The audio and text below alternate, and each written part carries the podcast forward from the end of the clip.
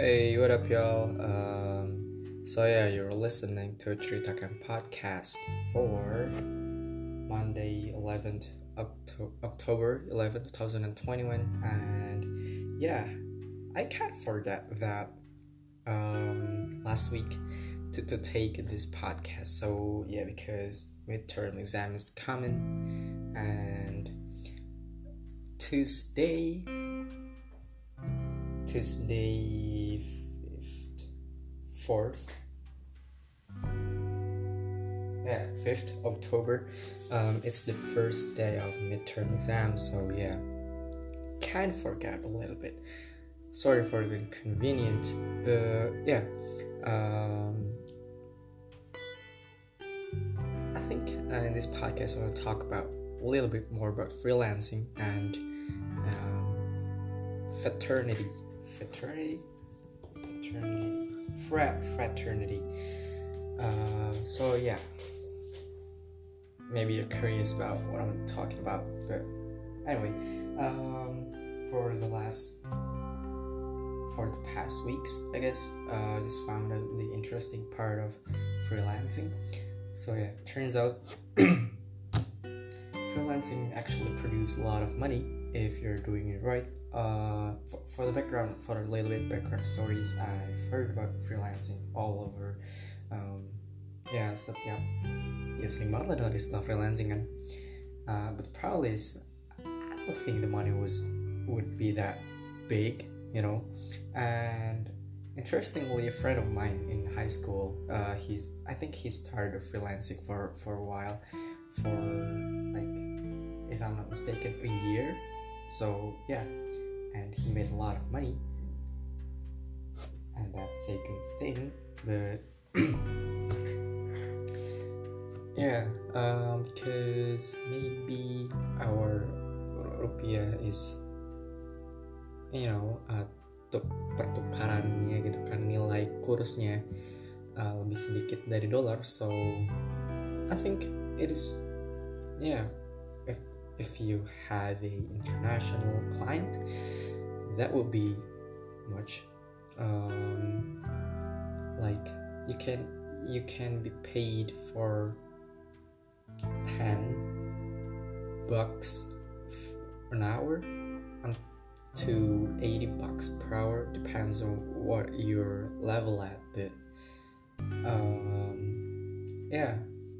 Untuk komparasi ya 10 dolar itu di ruang guru untuk sehari man. Internship internship ya. Um, true it takes a different scale of skill set that you need to have but ya itu banyak banget sih menurut gue. 10 dolar untuk 10 dolar untuk satu jam.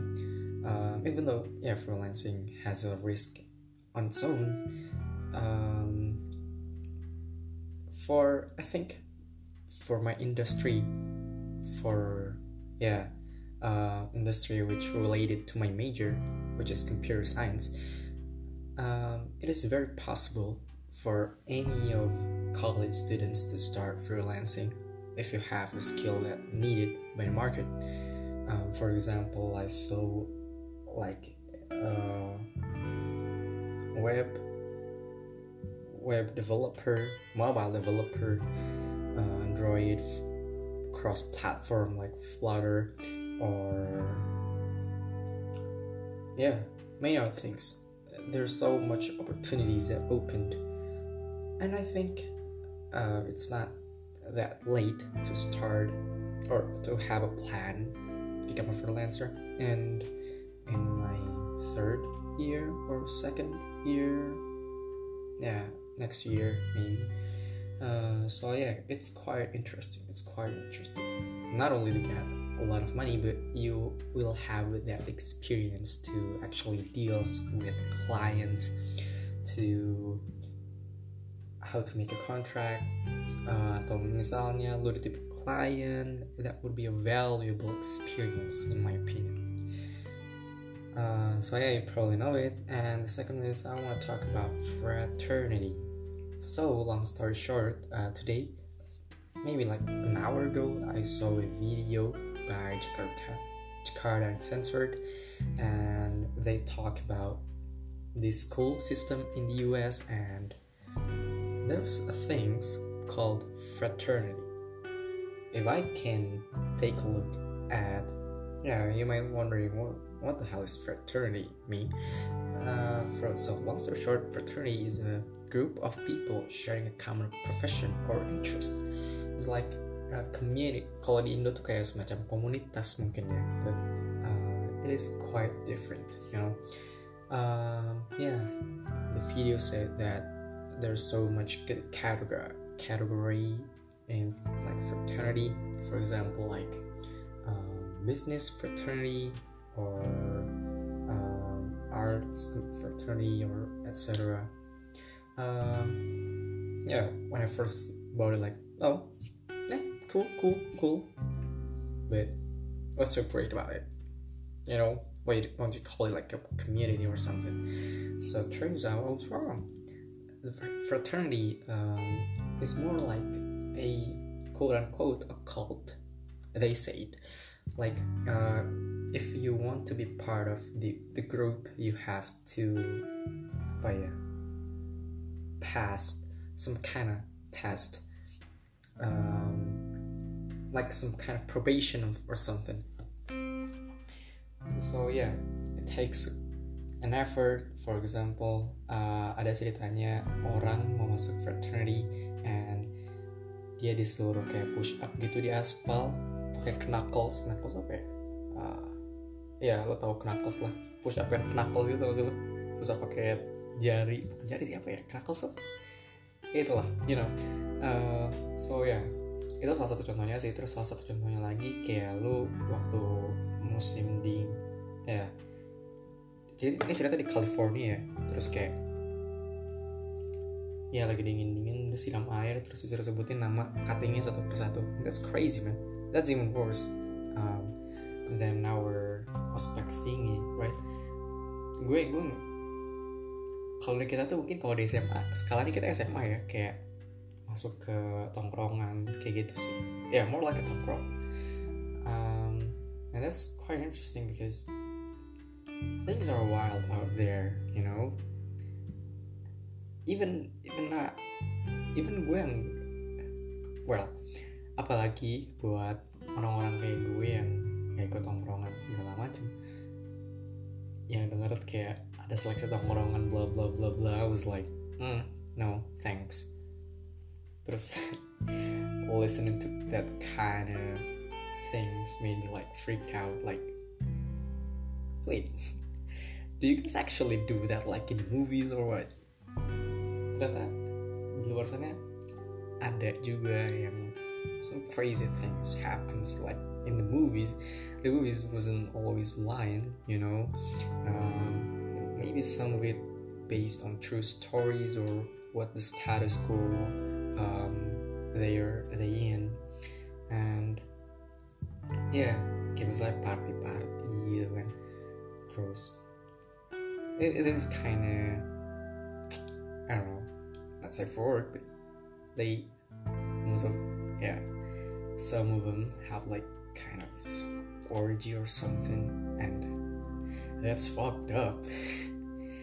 y'all y'all never heard like di tongkrongan ada semacam orgi gitu enggak kan kayak hmm, tapi luar negeri US maybe.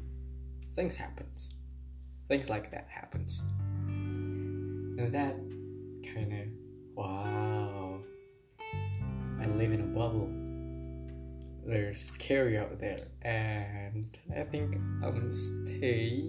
I'm gonna stay in my own bubble, and not trying to explore things because it was scary as fuck. Yeah, it's your life. It's my life. Maybe, yeah, senyamannya masing-masing aja mungkin ya. Gue juga nggak tahu sih. Tapi ya begitulah um, ngomong-ngomong soal keterbukaan informasi sekarang ya uh, I just talk I just like yeah have a talk with my friends from Padang. The most interesting things about college I think is that you can meet lots a lot of people with different backgrounds from different islands you know? When I think about it like yeah we, we all know that right?